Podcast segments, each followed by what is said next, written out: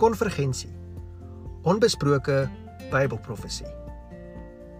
Soos wat Bybelprofesie in beide intensiteit en frekwensie toeneem, verwag ons dat Bybelprofesie meer gesprek in die toekoms gaan geniet.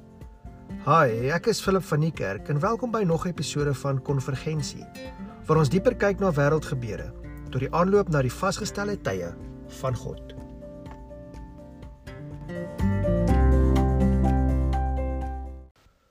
Ons het reeds bepaal dat daar meer as een model is wat God se tydlyn kan beskryf. En ook dat dispensasies verwys dat die wêreldgeskiedenis in 'n aantal tydperke ingedeel is.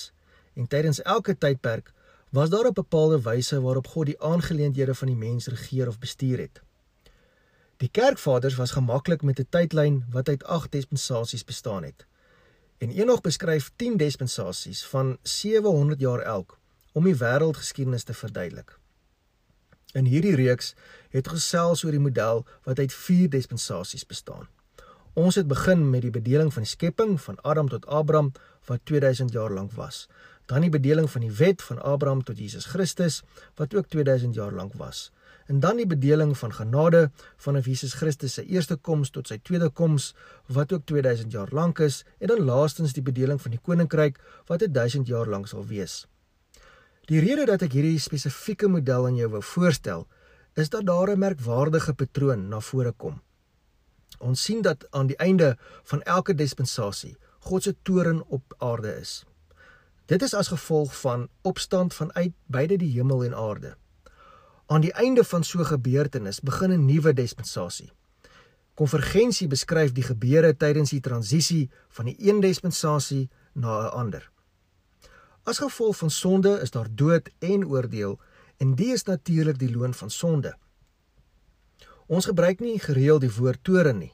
Om die waarheid te sê, oppervlakkige sentimentele evangelie is baie vlugvoetig wanneer dit kom by God se toren. Maar aan die einde van die bedeling van die skepping het ons gesien en gelees van die sondvloed en dit was God se toren. Aan die einde van die bedeling van die wet is die kruisiging van Jesus God se toren aan die einde van die bedeling van genade is die 7 jaar verdrukking God se toren of oordeel.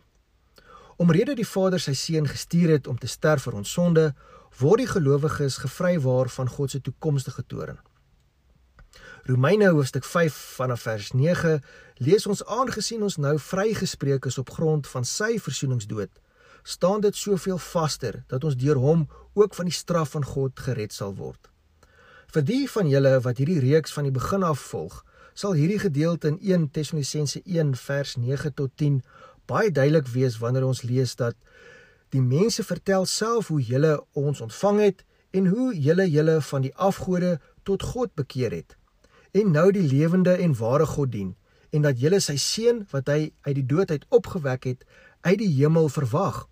Jesus deur wie ons gered word van die oordeel wat kom Met ander woorde aan die einde van ons dispensasie sal die gelowiges weggeraap word omdat hulle vrygestel is van die oordeel van God. Ons lees van dieselfde patroon in Matteus hoofstuk 24 vanaf vers 36. Maar niemand weet wanneer daardie dag en uur kom nie, nie die engele in die hemel nie en ook nie die seun nie, net die Vader weet dit. Soos dit in die dae van Noag was, sal dit ook wees by die koms van die seun van die mens. In daardie dae voor die sonvloed het hulle soos gewoonlik geëet en gedrink en getrou tot op die dag dat Noag in die ark ingegaan het. Hulle het nie besef wat aan die gang was nie totdat die sonvloed gekom het en hulle almal weggesleer het. Net so sal dit gaan by die koms van die seun van die mens. Noag word gered uit God se oordeel tydens die vloed. So ook word Lot gered uit God se oordeel tydens Sodom en Gomorra. In 2 Petrus hoofstuk 2 vanaf vers lees ons dat God het selfs die engele wat gesondig het nie gespaar nie. Hy het hulle in die hel gestort en hulle laat boei om in die duisternis gevange gehou te word vir die oordeel. Hy het ook die wêreld van die ou tyd nie gespaar nie, maar die sonvloed oor die wêreld van die goddelose mense gebring. Net vir Noag wat die wil van God verkondig het en sewe ander mense het hy gered. Die stede van Sodom en Gomorra het hy tot verwoesting veroordeel en tot as verbrand. En met hierdie voorbeeld het hy getoon wat oor die goddelose mense gaan kom.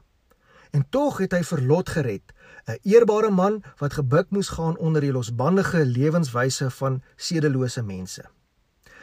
Tydens die bedeling van die skepping word Enog weggeraap. Tydens die bedeling van die wet word Elia weggeraap. Tydens die bedeling van genade sal die gelowiges of die bruid weggeraap word. Beide Enog en Elia kom as getuienis terug tydens die verdrukking. Die gelowiges kom terug saam met Jesus tydens die laaste bedeling van die koninkryk as verteenwoordigers van God om te heers oor die nasies. Dit was lekker om te gesels oor dispensasies. As jy dispensasies onder die knie wil kry, is jy welkom om al 7 episode in hierdie reeks op my Facebookblad te luister. Ek begin binnekort met 'n nuwe potgooi reeks. sien jou daar.